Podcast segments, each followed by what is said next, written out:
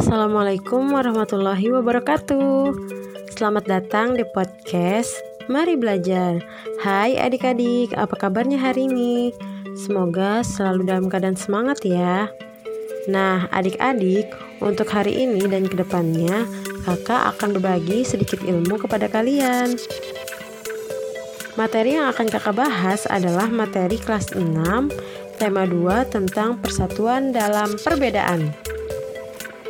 Oke adik-adik langsung aja yuk kita belajar Nah adik-adik hari ini kakak akan membahas tentang makna proklamasi kemerdekaan Indonesia Peristiwa proklamasi sendiri diawali dengan dijatuhkannya bom oleh tentara Amerika Serikat pada tanggal 6 Agustus 1945 di kota Hiroshima dan pada tanggal 9 Agustus 1945 di kota Nagasaki. Jepang akhirnya menyerah kepada tentara sekutu. Peristiwa ini dijadikan kesempatan oleh bangsa Indonesia untuk segera membebaskan diri dari penjajahan bangsa Jepang. Teks proklamasi ditulis di rumah Laksamana Tadashi Maeda, Jalan Imam Bonjol nomor 1. Nah, Kak, siapa aja ya para penyusun teks proklamasi? Nah, para penyusun teks proklamasi adalah Insinyur Soekarno, Dr. Andes Muhammad Hatta, dan Mr. Ahmad Subarjo. Untuk konsepnya sendiri, teks proklamasi ditulis oleh Insinyur Soekarno. Saat itu hadir pula BM Dia, Sayuti Melik, Soekarni, dan Sudiro. Soekarni mengusulkan agar yang menandatangani teks proklamasi itu adalah Insinyur Soekarno dan Dr. Andes Muhammad Hatta atas nama bangsa Indonesia. Nah, teks proklamasi sendiri itu diketik oleh Sayuti Melik. Nah, adik-adik, kira-kira apa saja ya makna proklamasi kemerdekaan Indonesia? Nah, makna proklamasi kemerdekaan Indonesia sendiri adalah yang pertama, sebagai puncak perjuangan Indonesia. Bangsa Indonesia telah dijajah selama bertahun-tahun oleh negara-negara Eropa sampai Jepang. Penduduk dengan latar belakang yang berbeda bersatu untuk melawan penjajah. Proklamasi kemerdekaan merupakan hasil dari perjuangan para pahlawan kita. Lalu, yang kedua,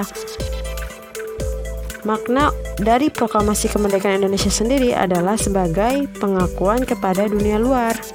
Dengan membacakan teks proklamasi, Indonesia mengumumkan kepada dunia luar bahwa Indonesia adalah negara yang merdeka. Pengakuan ini diikuti oleh pengakuan dari negara lain. Lalu, yang ketiga, makna dari proklamasi kemerdekaan Indonesia adalah menaikkan martabat bangsa. Pembacaan teks proklamasi memberikan pesan kepada negara lain bahwa Indonesia adalah negara yang bebas dari penjajahan, negara yang memiliki martabat, dan negara yang sangat mandiri. Lalu, yang keempat, Makna dari proklamasi kemerdekaan Indonesia adalah sebagai perjuangan negara yang baru. Indonesia adalah negara yang dibangun oleh rakyat dan untuk rakyat.